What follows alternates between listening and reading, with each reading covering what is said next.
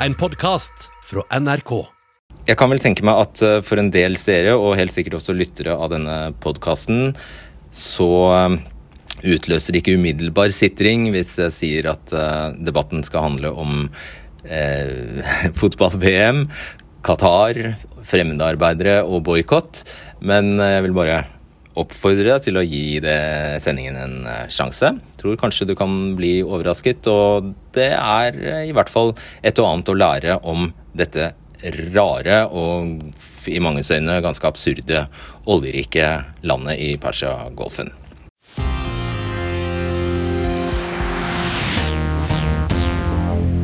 Velkommen til debatten. Neste år skal VM gå av stabelen i et søkkrikt, bitte lite sharia-styrt Gulfland, som selv aldri har kvalifisert seg til VM. Ifølge den britiske avisen The Guardian har 6500 gjestearbeidere i Qatar dødd siden landet fikk tildelt VM-festen for ti år siden. Det er en fest du etter planen skal kunne se på TV 2 og her på NRK.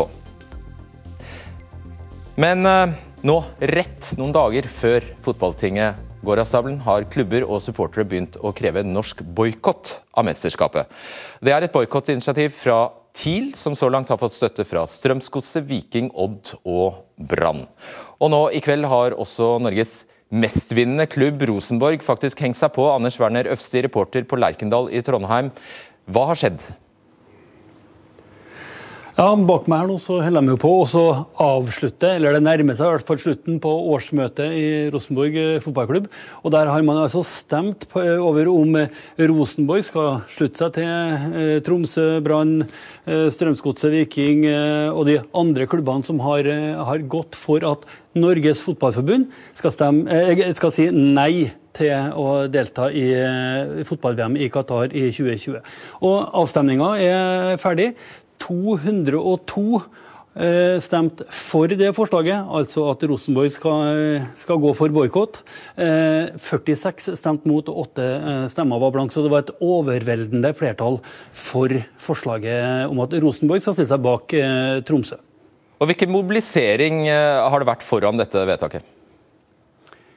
Ja, det er jo Rosenborg en medlemsstyrt klubb, og det er vi kan kalle det profilerte medlemmer i Rosenborg som har eh, kommet med dette eh, her forslaget. Eh, de har bl.a.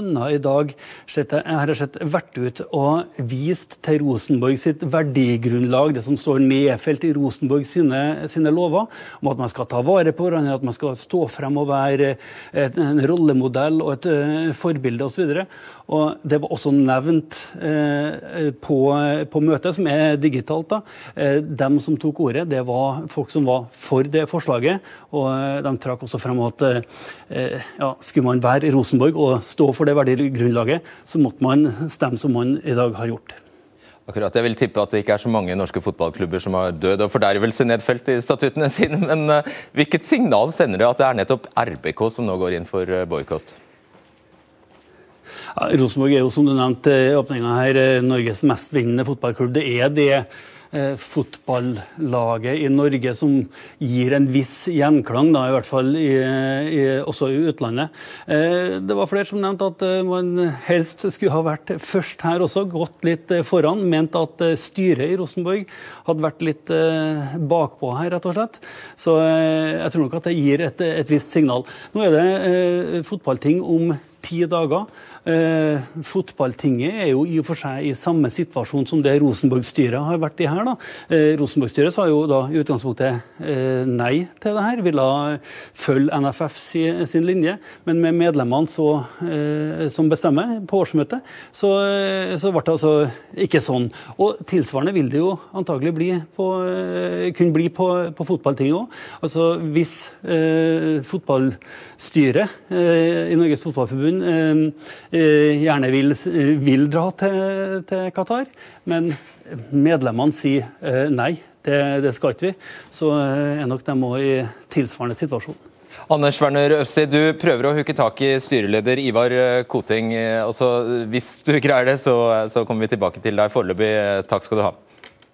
Panelet vårt består i kveld av eh, Gjert Moldestad i Norsk supporterallianse, Pål Bjerketvedt fra Norges Fotballforbund, Håvard Melnes, redaktør i fotballtidsskriftet Josimar, og Ina Tind fra Amnesty. Det er jo lov å håpe. Det er veldig mange som håper at vi nå inn, for første gang i, siden 1998 skal greie å kvalifisere oss til eh, VM. De første kvalikkampene spilles i mars, og Norge er i gruppe med Nederland, Gibraltar, Tyrkia, Latvia og Montenegro. Gjør dette så enkelt som mulig for oss. Er du snill, Gjert Mollestad, skal du forklare for, eh, for oss senere hvem dere er og hva dere gjør, men hvorfor boikott? Nei, vi vil ikke ha et fotball-VM på en gravplass. Det er ikke vi eh, interessert i å være med på. Og vi aksepterer ikke at Qatar får utnytte eh, den sporten som vi er så glad i til å dekke over menneskerettighetsbrudd, slavekontrakter og dødsfall i tusentalls. Og Vi mener også at tiden for dialog den er langt forbi. Tiden for å prøve å påvirke er langt forbi. Nå er det tid for å gi knallhard beskjed, slå knytteneven i bordet og si at nå er det nok. Mm. Pål Bjerke Tveit, generalsekretær i Norges Fotballforbund. Hvorfor er dette feil?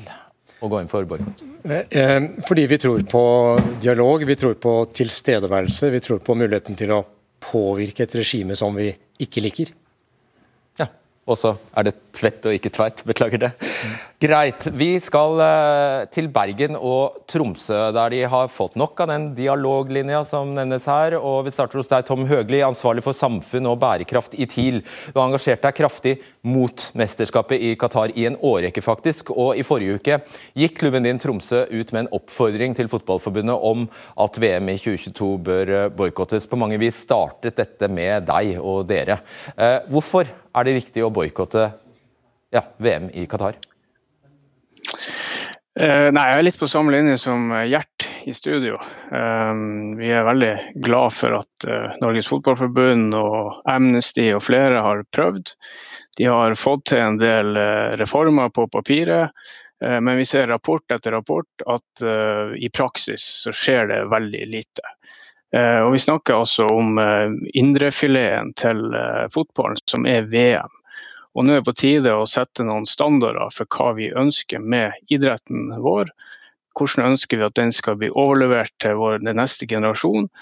Eh, og dette er et mesterskap som er like kostbart som det norske statsbudsjettet. Så det skulle bare mangle at vi ikke skulle klare å eh, ta vare på dem, de fantastiske folkene som bygger de her stadionene. Så um, vi ser nå at den linja som har vært valgt, eh, dessverre ikke gir nok resultat, da mener vi at det er på tide å ta et nytt eh, grep eh, i bruk. Og Når det gjelder kostnader, så har vi hørt eh, astronomiske summer som 1700 milliarder kroner verserer. Norge, veldig lite land. Nummer 40 ikke så veldig god i fotball heller. Nummer 44 på Fifa-rankingen. På hvilken måte skulle dette spille noen som helst rolle at vi boikotter et mesterskap? Nei, altså Vi kan jo ikke så mye for at vi er eh, liten, sånn sett. Vi, men vi er nødt til å ta ansvar for det vi kan, det vi kan uh, gjøre noe med. Og I lag med Norden så skal du også huske på at Norden er godt representert i øverste styre i Uefa, altså den europeiske Fotball, det europeiske fotballforbundet. Så vi har muligheter. Vi sitter, vi sitter i toppen i Uefa, og, og, og, vi ser bare det vi har gjort nå i Norge, de klubbene som har vært, så gir det en interesse for det eh, i, i, utlandet. Jeg har snakka med journalister både i Danmark, i, i, eh, i England og i Tyskland. Så, så og er, Hvis vi skal si at det var vi som starta uten at det er noe poeng, så er vi en liten klubb eh, nesten helt opp på, på Nordpolen. Men du ser hva for et engasjement som er der ute. Og Det er det som er viktig. Altså Fotballen engasjerer seg voldsomt i det her temaet, eh, og det skal man ha veldig veldig respekt for. Du selv Høgli, er jo tidligere landslagsspiller. Hvor likelig fordelt er dette engasjementet? Hva, har du spilleren med deg? Fikk jeg ikke helt med siste Er spillerne engasjert? Er spiller, bryr spillerne seg? Det er jo antagelig kanskje det viktigste til slutt? Ja, eh, nå fikk jeg ikke helt med om du mente generelt i Norge og verden eller i Tromsø, men, men det jeg vet om uh, fotballspillere, det er at engasjementet for samfunnet er, er veldig stort. Det er ikke alle som snakker like høyt om det, men eh, engasjementet for, eh, for, det som skjer rundt omkring i verden er stort. Det er mye erfaring fra å ha spilt i tre forskjellige land og vært innom landslag og, og ulike klubber. Så det er ingen tvil om at fotballspillere er mer engasjert enn det folk kanskje tror. Ja, vi tror ingenting om det. Takk skal du ha, eh, Høgli. Og Vi farer videre til Erlend Vågane. Du er en av initiativtakerne bak kampanjen Vår fotball.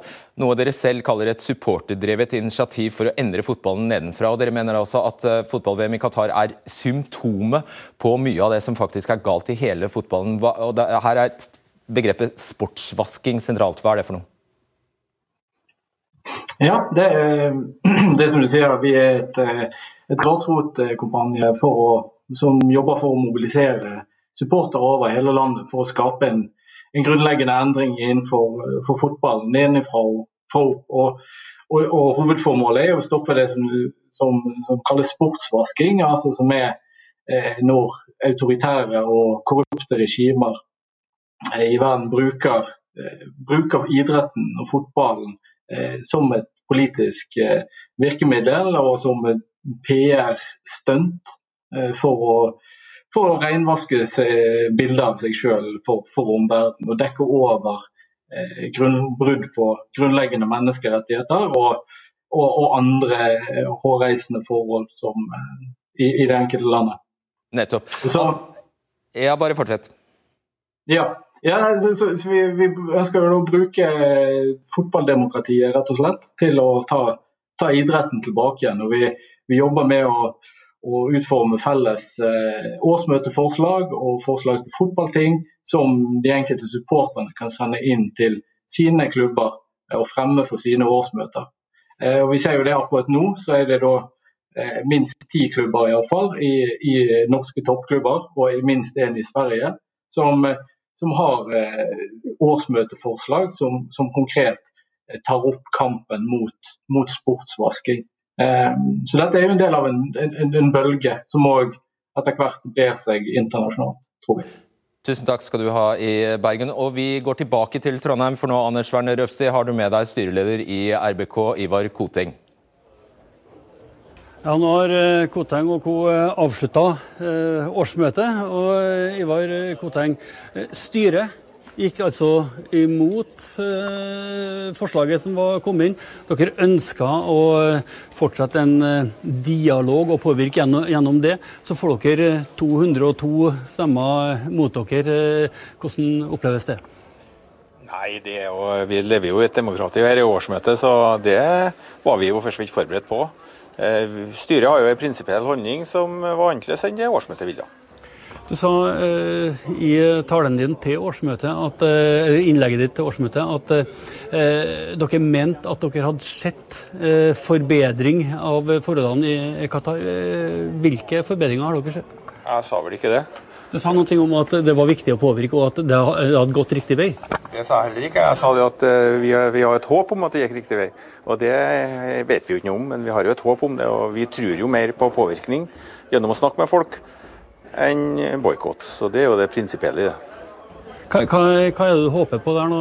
At, eh, at, det at dere deltar, eller at Norge deltar i, i VM skal kunne, kunne, virke positivt med? Nei, Det er jo at man får oppleve kultur, åpne kulturer og, og, og vestlige kulturer som vi har, da, bare når det gjelder likestilling. Eh, med mere som på en måte bidrar til at man kan tenke seg om også i sånne land.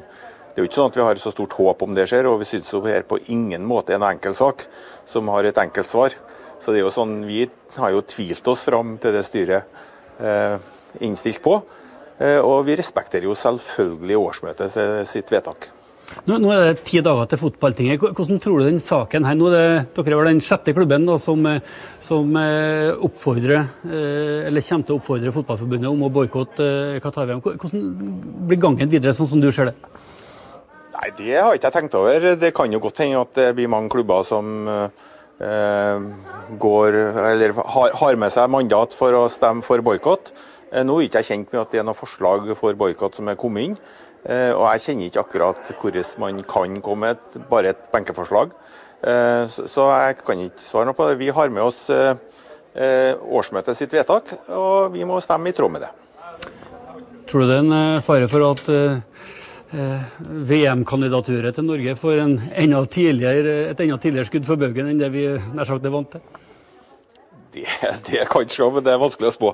Men eh, det blir jo spennende å se fram mot, fram mot og under tinget nå, da, hva som skjer.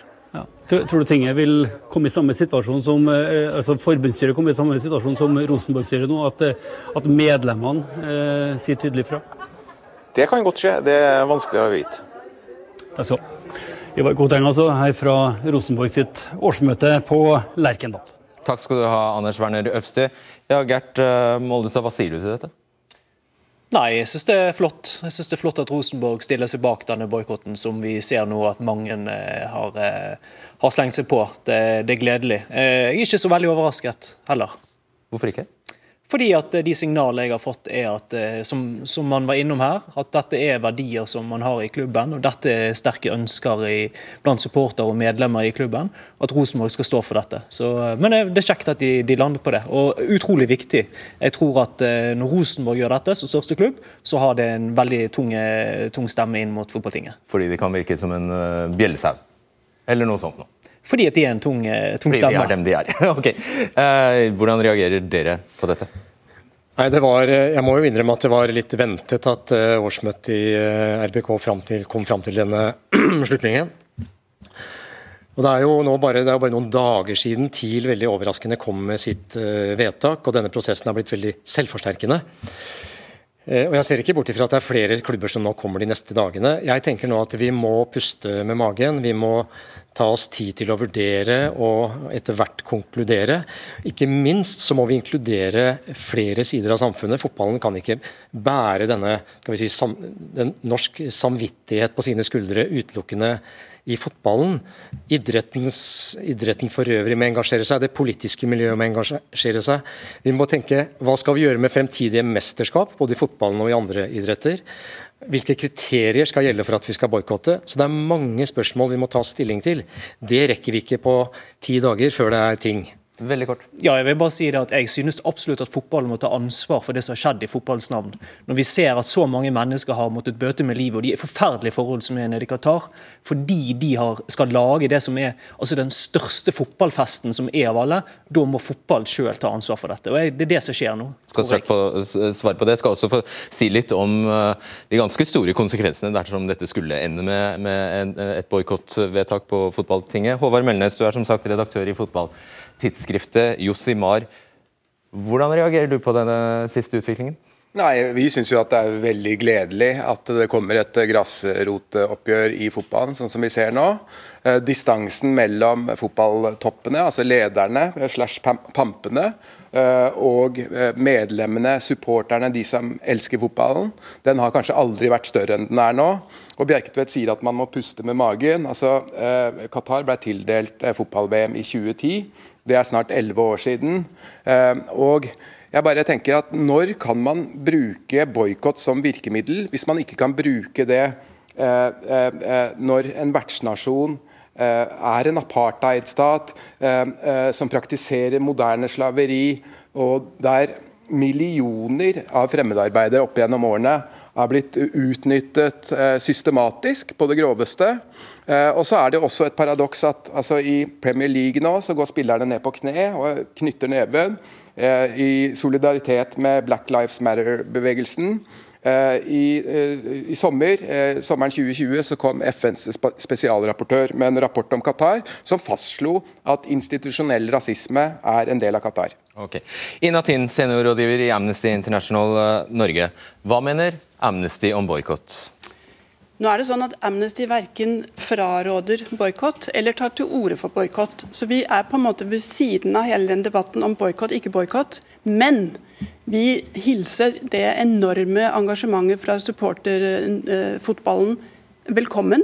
Fordi vi deler målet eh, om å prøve å bruke dette enorme arrangementet til å sikre rettighetene til de som gjør Eh, VM mulig, og det er migrantarbeiderne. Så vi er, og jeg tror egentlig alle sammen her er enige om at det er målet. Eh, og Så er spørsmålet hvilke virkemidler skal man bruke, og hvilken rolle skal Amnesty bruke. Hvorfor i alle dager evner ikke dere i Amnesty å ta stilling til det spørsmålet? Jo, vi evner å ta stilling til det, men vet du hva? Amnesty er en global menneskerettighetsorganisasjon. og Vi forholder oss til brudd på menneskerettighetene over hele verden. Og nå, sånn som det var nettopp ble eh, eh understreket her, så brukes idrett til sportsvasking av enormt mange land. Og da er spørsmålet, Hva gjør man for å få en slutt på det? Og Da er Ja. virkemidlet boikott kommet på bordet. Og Ja. Spørsmålet er ja eller nei til det.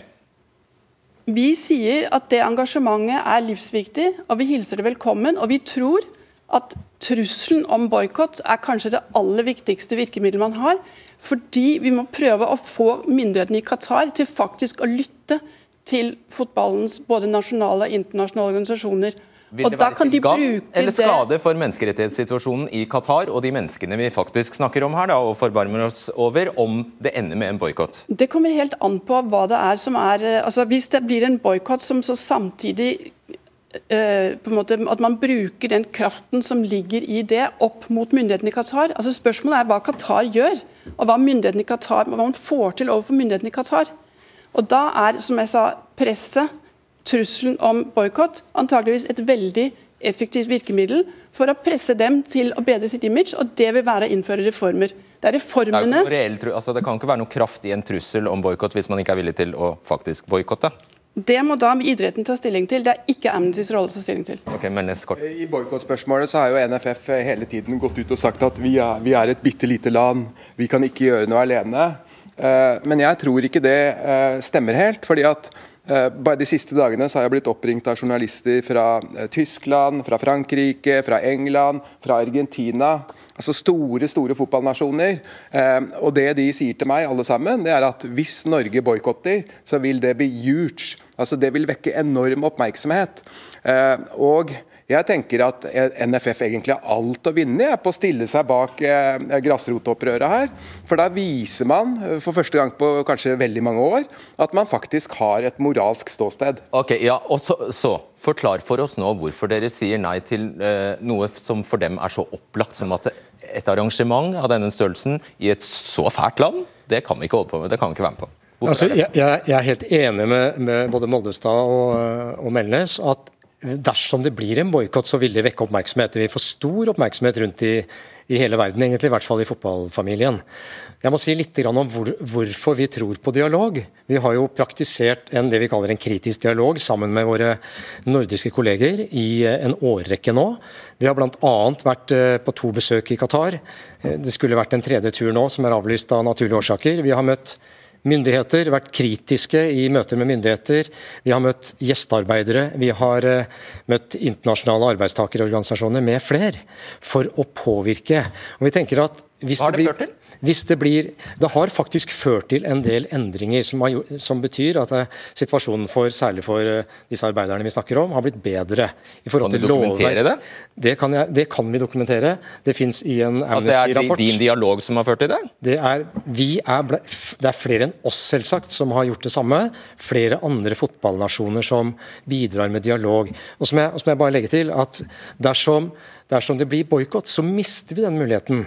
Da mister vi den muligheten. Da, da får ikke gjestearbeiderne en stemme. De blir ikke sett, de blir ikke hørt. Og vi er i en, de er i en helt annen situasjon. Det er jo et poeng. Nei, Beklager, men jeg syns det høres litt naivt ut. Eh, når Fotballforbundet fremstiller det som om at eh, det å boikotte, da er det bare lille Norge og vi har ikke så sterk stemme. Det er i hvert fall det de har sagt eh, de siste dagene frem til det du sier nå. Eh, men at eh, påvirkning og dialog, da kan, vi, da kan vi endre ting. Altså, hvorfor, skal, hvorfor skal de etter ti år plutselig begynne å lytte til hva vi har å si? Spør du meg, så er det en mye klarere beskjed. At nå er det nok. Nå, nå sier vi boikott. Klar men et, melding. Et spørsmål da. Hvis, hvis du ikke tror på, på dialog, men du tror på boikott, hvordan, vil- hvordan skal det endre forholdene i Qatar? Nei, men hvis vi er hadde det vært her i- press i nok til å endre forholdene? Hvis vi hadde vært der i 2012, så hadde jeg vært enig med deg. Men nå er det 2020. 2021, beklager. Det er altså gått ti år siden, og det har kommet en rekke rapporter etter rapporter etter rapporter hvor ille tilstanden er der nede. Og det har blitt kommet kom en masse lovnader om at ting skal bli bedre, og det har kommet masse løfter om at vi må snakke sammen. 6500 mennesker har dødd mens folk har stått og snakket sammen. Tiden for den dialogen er forbi. Hadde vi vært i 2012, så hadde jeg vært enig med deg, men nå er vi ikke det. Nå må vi bare få oppklart hvem dere er, egentlig. Bare si det. Ja, Vi er Norsk supporterallianse. Vi er paraplyorganisasjonen til alle norske supporterklubber. Altså, Vi, vi supporter Norge. Vi aksepterer ikke lenger at det er noe fotball-VM. Vi sier at vi, vi ønsker en boikott. Du kunne jo fått svaret, men jeg tror faktisk du skal få hjelp eh, her. Steinar Krokstad, du er med oss, du er nestleder i Fellesforbundet med oss fra Trondheim. Og du har også vært i Qatar, eh, som vi, som vi hører Fotballforbundet eh, sammen med Fotballforbundet, vel, hvis jeg ikke har skjønt det, skjønt det feil. Hvordan vil du beskrive forholdene der? Og du mener også at det er feil å boikotte? Ja, jeg mener jo at det er ikke boikott som er det det aktuelle virkemidlet nå. og jeg tror det er Jeg føler seg jo litt som en sånn festbrems eh, på akkurat det. Men, eh, men eh, det viktigste for oss jeg mener det er to, to viktige spor å følge nå. Det ene er bedre arbeidstakerne sine rettigheter. Der har der mener jeg at det arbeidet som Den internasjonale bygningsarbeiderføderasjon, med et stort ytre press fra media, har bidratt til å bedre der. Det kom på plass en god del lovendringer.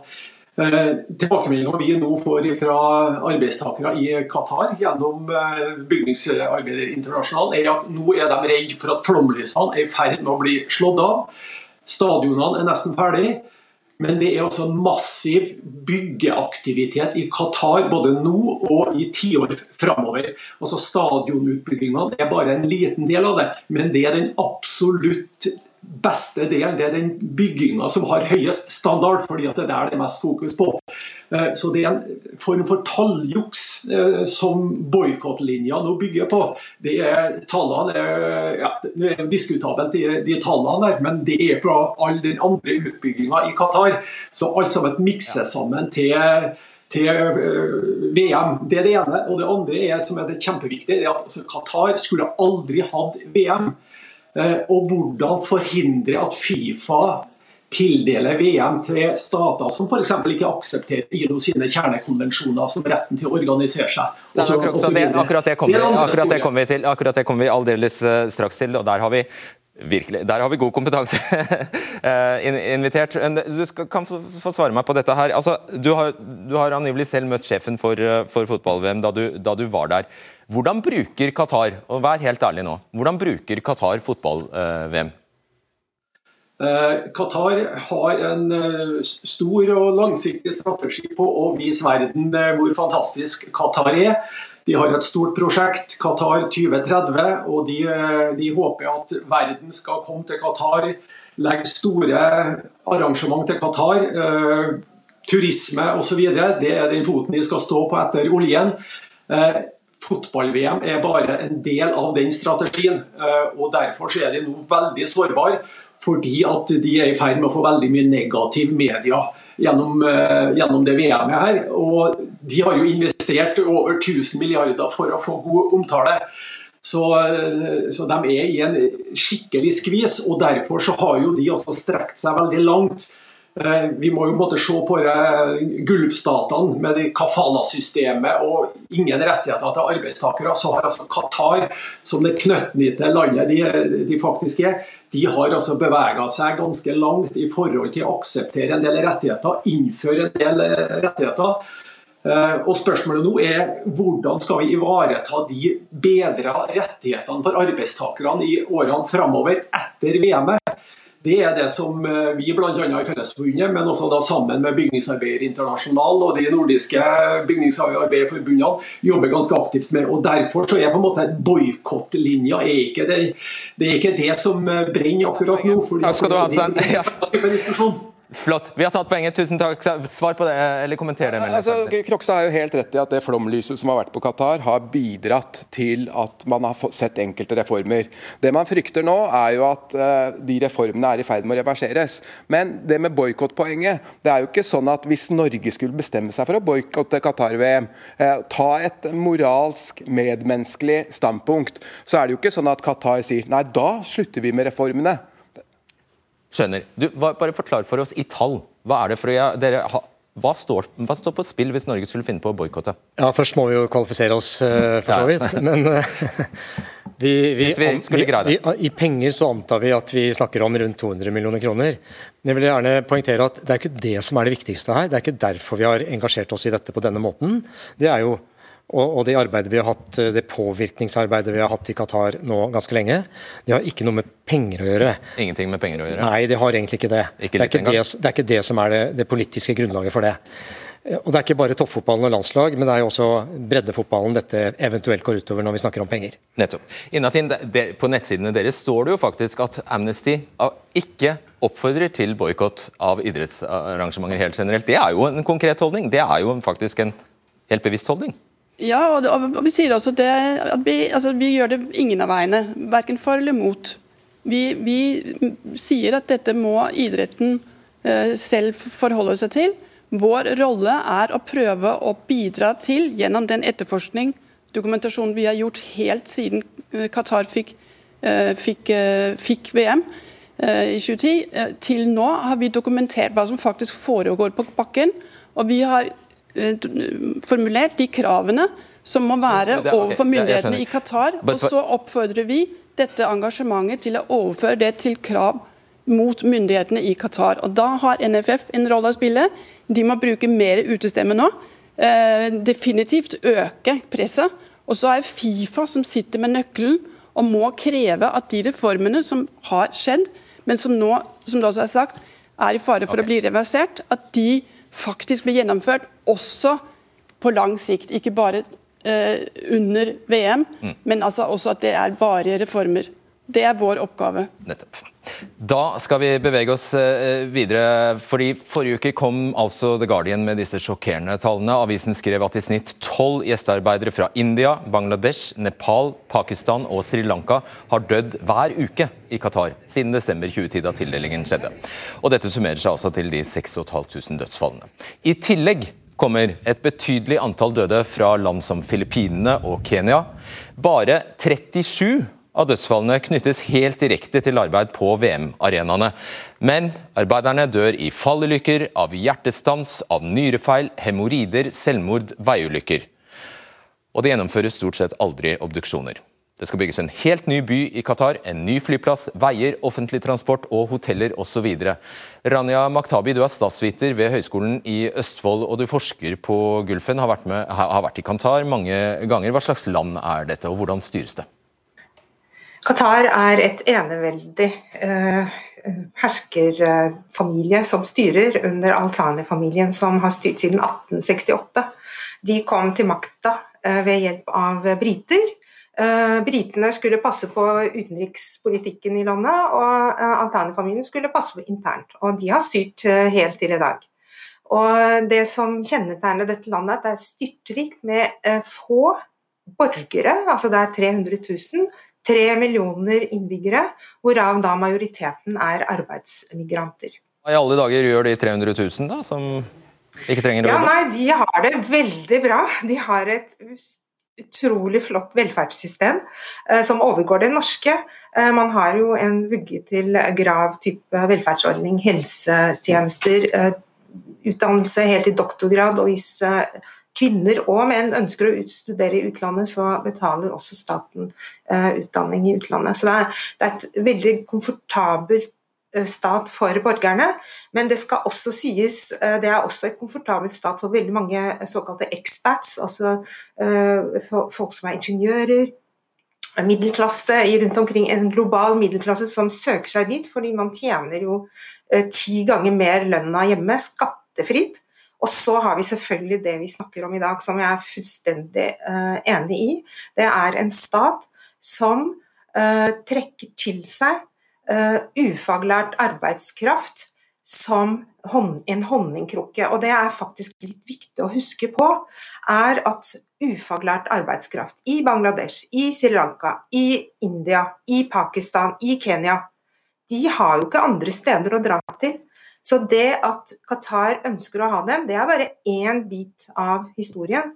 Det som gjør at utbyttingen av arbeidskraft er så stor og kraftig i disse statene, hvorav Qatar er, når jeg sier disse statene, så legger jeg de samme systemene for utbytting av arbeidere finnes også de andre rike oljestatene. Men i Qatar så betaler jo lutfattige folk i Bangladesh altså 10 000 kroner for å få lov å, få et visum til Qatar. Nettopp. Hva med religion? Det er shariastyrt eh, samfunn. Hvor eh, strengt praktiserende er det? Hvor frie er kvinner? Kan de arve, kan de eie, kan de gifte seg, kan de skilles? Er det lov å være homofil? Hvordan er situasjonen der? Det er Familieretten i Qatar er forholdsvis streng. Altså Den er, praktiseres strengt, men du må huske fordi man er et rikt samfunn, så har kvinner det behagelig økonomisk. Men Eh, oppstår det problemer i et ekteskap, så er det mannen som bestemmer. Eh, han kan få barna hvis han eh, ønsker. Det betyr at kvinner er underlagt mannens myndighet.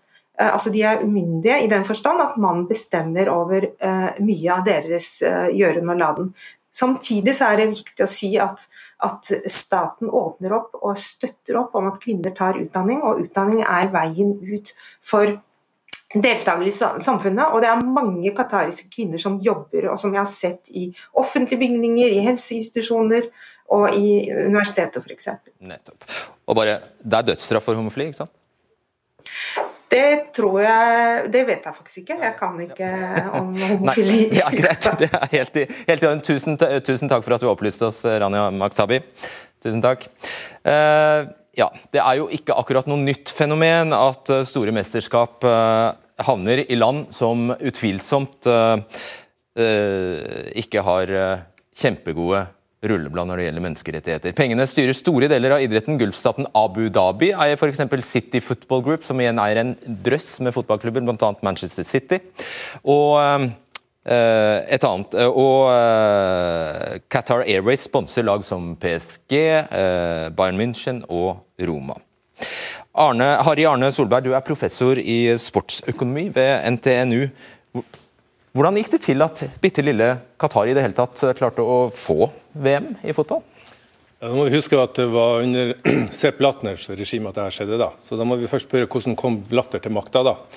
Og det Blatter gjorde at Han eh, innførte et program som eh, fordeler midler til eh, Fifa-medlemmene. da, og Det ene programmet var likt fordeling. Eh, og så var det et annet program som han videreførte, som faktisk favoriserte de små landene. Og Dette er jo en helt eh, annen modell enn f.eks. vi ser i klubbfotballen, som henter mer og mer av pengene utenfor de og vi snakker gjerne om de fem store klubbnasjonene i Europa, da, og som henter penger inn her.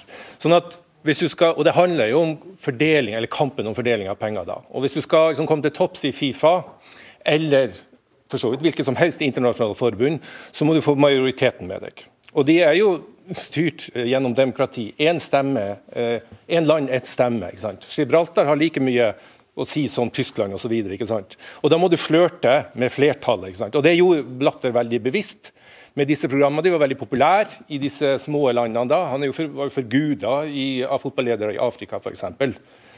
Um, og, og, eh, det var litt, Hvis vi går videre etter Blatter nå, så Infantino var det første Infantino gjorde. Jo, Han foreslo å utvide worldcupen til 48 land. Og Det er jo noe som de små landene er veldig glad for. ikke sant? Øker sjansen deres for å komme med. Mens Beckenbauer som på vegne av Tyskland protesterte imot det her, for det ble belastning på sine andre spillere. og sånt. Nå ble jo forrige, forrige verdensmesterskap i fotball holdt i uh, Russland, og så fikk de OL ja. i Sotsji. og uh, Qatar har avholdt en rekke mesterskap tidligere, sist friidretts-VM. Uh, hva er det som helt generelt Kina ser ut til å få OL og mm. VM når de selv vil? hva er det som gjør at, eller hva er det som helt generelt bestemmer Eh, hvor mesterskapene havner? Er det bare penger? Ja, det er jo det. Og så er det jo, sant? Hvis vi skal forstå det her, så må vi også gå innom holdninga til korrupsjon. Altså De internasjonale forbundene, det er mange rykter og også det er bevis på at det foregår korrupsjon. Penger skifter eier som egentlig ikke skulle gjøre det. Og, eh, og Noen er jo dømt. Rio, som fikk OL i, eh, i 2016, der er jo ledere, som, eller medlemmer av, av IOC-styret er jo dømt for, for mottatt korrupsjonspenger osv. Og, så og det er jo veldig, si, veldig sterke indisier at det var med eh, i når det gjelder fordelinga av, eh, av, av, VM til Qatar. Da, Og, men spesielt når det gjelder å, å velge ledere eh, i disse internasjonale forbundene.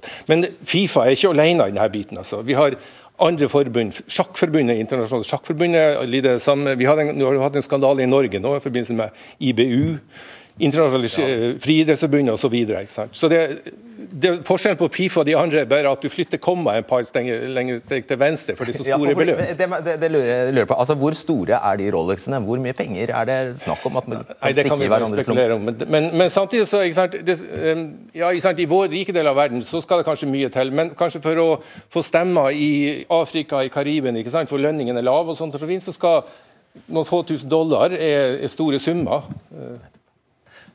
Takk for at du opplyste om oss om det. Og Du skal få avslutte denne runden, for hva gjør dere nå? Ja, Det er jo et godt spørsmål. Jeg, må, jeg, jeg står her og tenker på at uh, vi snakker mye om demokrati og autoritære stater uh, i den debatten, naturlig nok. Men det vi kan fastslå er i alle fall at idrettsdemokratiet i Norge fungerer. Ja, vi, det tror jeg vi ser. Og vi går, vi går, mot noen spennende dager nå fram mot uh, neste helg. Og så håper jo jeg at vi tar det litt med ro, at vi utreder dette på en god måte og eventuelt kommer tilbake til ting i 2022 før vi tar en beslutning. Hvis ikke, så, bare, så er det også bare 14 dager fra forbundstinget avvikles til eh, første kvalifiseringskamp skal spilles. Ja, jeg regner med du nesten ikke har tid til å stå her. Du skal helt sikkert ut og snakke med klubber og diverse.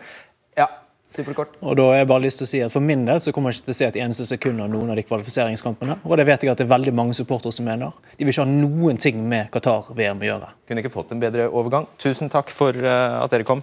Fordi NRK og TV 2 skal sende fotball-VM for menn både i 2022 og i 2026, samt EM i 2024. Prislappen er jo ikke kjent, det får vi ikke vite. Men uh, det vi har skjønt de siste dagene er i hvert fall at det skal mer til enn noen urovekkende rapporter om dødsfall blant arbeidere for at de to allmennkringkasterne boikotter uh, VM. Uh, ja, jeg sa ha det til deg, men det var jo ikke riktig. Der er du igjen. Velkommen, kringkastingssjef Tor Gjermund Eriksen og TV 2-sjef Olav Sandnes. Du skal få fyre opp denne her, Melnes, fordi du mener de to her har gjort noe som eh, overhodet ikke står til laud de siste dagene? Nei, altså jeg tenker jo at Det er over ti år siden Qatar fikk mesterskapet. og Så blir det et grasrotopprør i Norge. Og så sender man altså et brev til Fifa. Eh, og eh, altså, og så er det viktig også i denne sammenheng å vite at Fifa er altså en useriøs, eh, på grensen til en korrupt organisasjon. Eh, og eh, Altså, eh, hvis, hvis, la oss ta det forrige VM, som også TV 2 og NRK eh, hadde rettighetene til. Eh, eh, også under forberedelsene til VM i Russland så var det massiv utnyttelse av fremmedarbeidere. Man benyttet seg av nordkoreanske slaver til bygging av stadion osv. osv. Hvis eh, Vladimir Putin hadde sett TV-sendingene til NRK og eh, TV 2, så tror jeg han hadde gitt begge terningkast sju. fordi at det var sportsvasking i sin, altså, på sin verste måte. Og Det som er litt forstemmende, det er jo at eh, både eh, TV 2 og NRK hadde en rekke medarbeidere i Russland, men ingen av dem var på Fifa-kongressen, som ble avholdt én dag før mesterskapet startet. Vi tar en ting av gangen her, og vi går til, ruller tilbake til spørsmålet om boikott av dette eh, VM-et her. Vil du starte, kringkastingssjef? Hva sto, sto det i dette helt sikkert veldig krasse brevet dere sendte? Nei, men Det er jo ikke det som er poenget. og Jeg må nesten, jeg må nesten minne Håvard Melnes om at vi står nå på NRK og diskuterer dette nettopp fordi det er VM i Qatar. Det er vår rolle. Jeg mener som redaktør, og du er redaktør, at, eh, at en mediebedrift som oss skal være meget varsomme med liksom å starte en sånn prosess med å, å, å gå foran i et boikott. Det er 21 måneder til dette VM-et skal eh, skje. Vår rolle er å dekke dette fram til da. Og Dette er type diskusjoner vi som mediebedrifter står i hele tiden. Skal vi sende skiskyting fra Hviterussland? Skal vi eh, ha Eurovision fra Israel? Det er et par år siden. Mm. Det, ble for, det, ble for, øvrig en fantastisk eh, fest om mangfold i Israel den gangen. Og Jeg har tro på at vi skal dekke det bredt, få med debattene. Eh, vise mangfoldet, vi skal være kritiske, og så får vi følge denne debatten som norsk og internasjonal fotball skal ta. Eh, altså jeg har ikke tatt til orde for at NRK og TV 2 skal boikotte eh, VM i Qatar. Det jeg savner, er en, en balanse i presentasjonen og i sendingene. Hvordan syns du selv hva med kritiske reportasjer under Russland-VM? Jeg husker ikke akkurat alle reportasjene fra Russland, men jeg er ganske sikker på at vi hadde det også.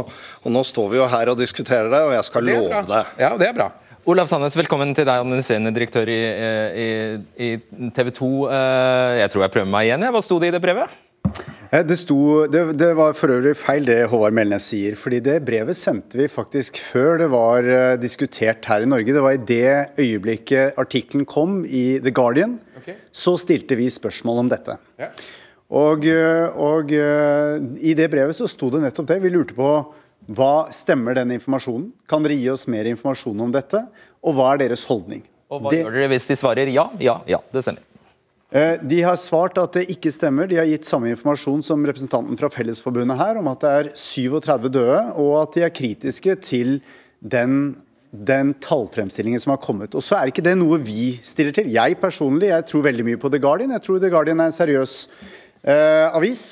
Eh, men nøkkelen er følgende. Altså vårt oppdrag Vårt oppdrag og vårt uten tvil viktigste virkemiddel, det er journalistikken. Det tror jeg Håvard Melnes også er enig i. Og hadde det ikke vært nå VM i Qatar, så hadde nok ikke Håvard Melnes også satt det lyset han er med å prisverdig gjøre, på gjestearbeiderne i Qatar.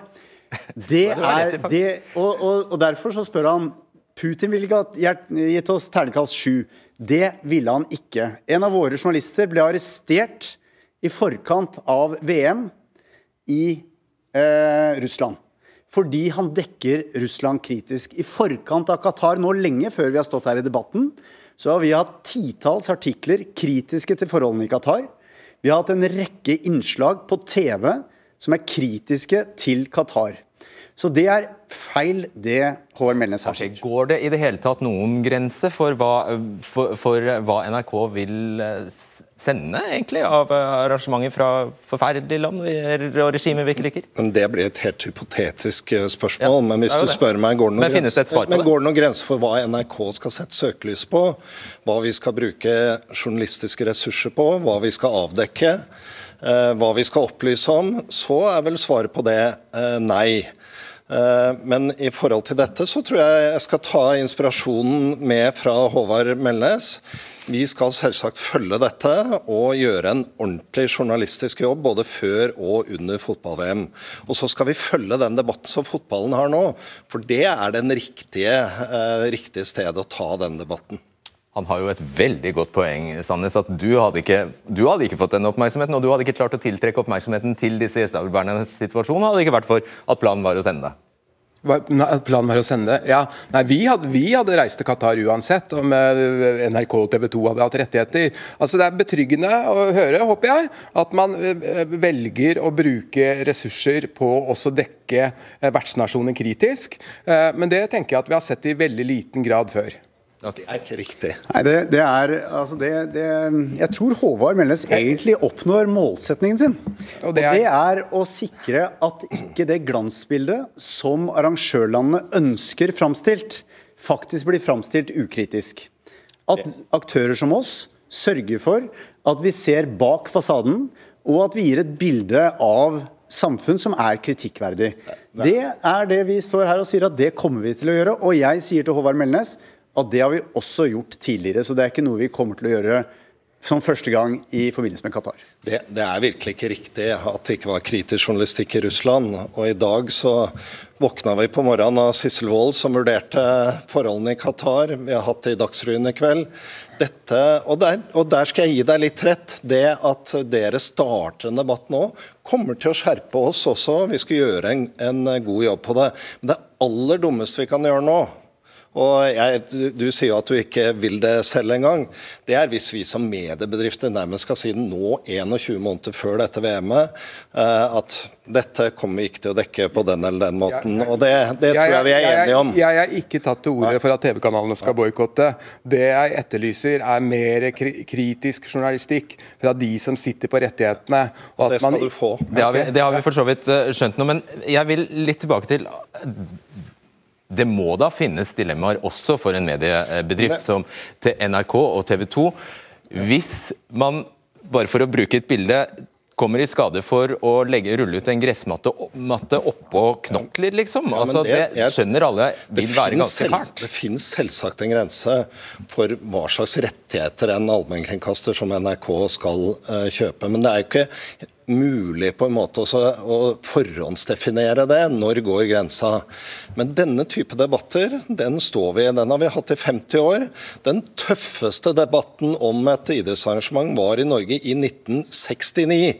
Under eh, diktaturet i Hellas og EM i friidrett holdt på å revne norsk idrettsbevegelse i to. Eh, så dette står vi overfor fra tid til annen. Og så er vi så heldige i Norge at vi har eh, både to allmennkringkastere og medier som dekker dette og legger til rette for den debatten. Det er vår viktigste rolle i dette. Og handler det overhodet ikke om penger, dette her, for dere? At dere hadde tapt uhorvelig masse penger? hvis dere hadde jo, altså, vi, vi, er jo en kommersiell allmennkringkaster, i motsetning til NRK. Uh, og det er jo lett å tenke at ja, men da har man bare kommersielle motiver også. Men her har vi altså samme standpunkt som et NRK som ikke har en kommersiell virksomhet. Så dette er definitivt mer en grunnleggende publisistisk og journalistisk vurdering. Og så vil jeg si at denne debatten her er god.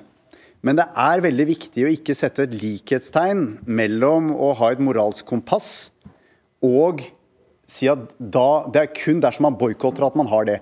Det kan være uenigheter som Fellesforbundet, som til og med Amnesty viser frem, på hvilke virkemidler som er riktige. Og Det må vi på en måte ha med oss og ha med i, i, i debatten fremover, at det er mer nyanser enn det.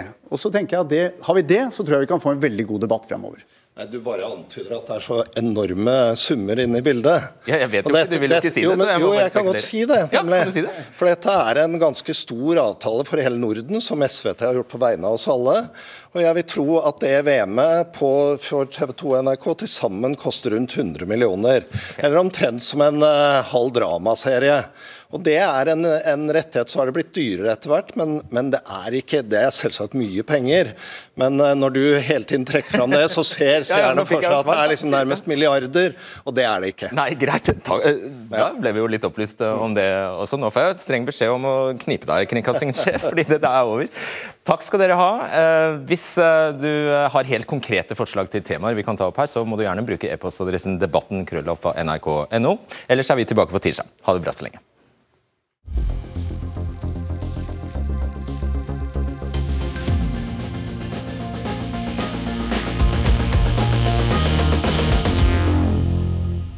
Ja, der kom det jo i hvert fall to nyheter. Eh, vi ble altså kjent med at eh, styret i Rosenborg har bestemt seg for å boikotte, og det mm, sier mine kilder vil kunne ha potensielt veldig stor eh, betydning for hvordan fotballtinget svinger.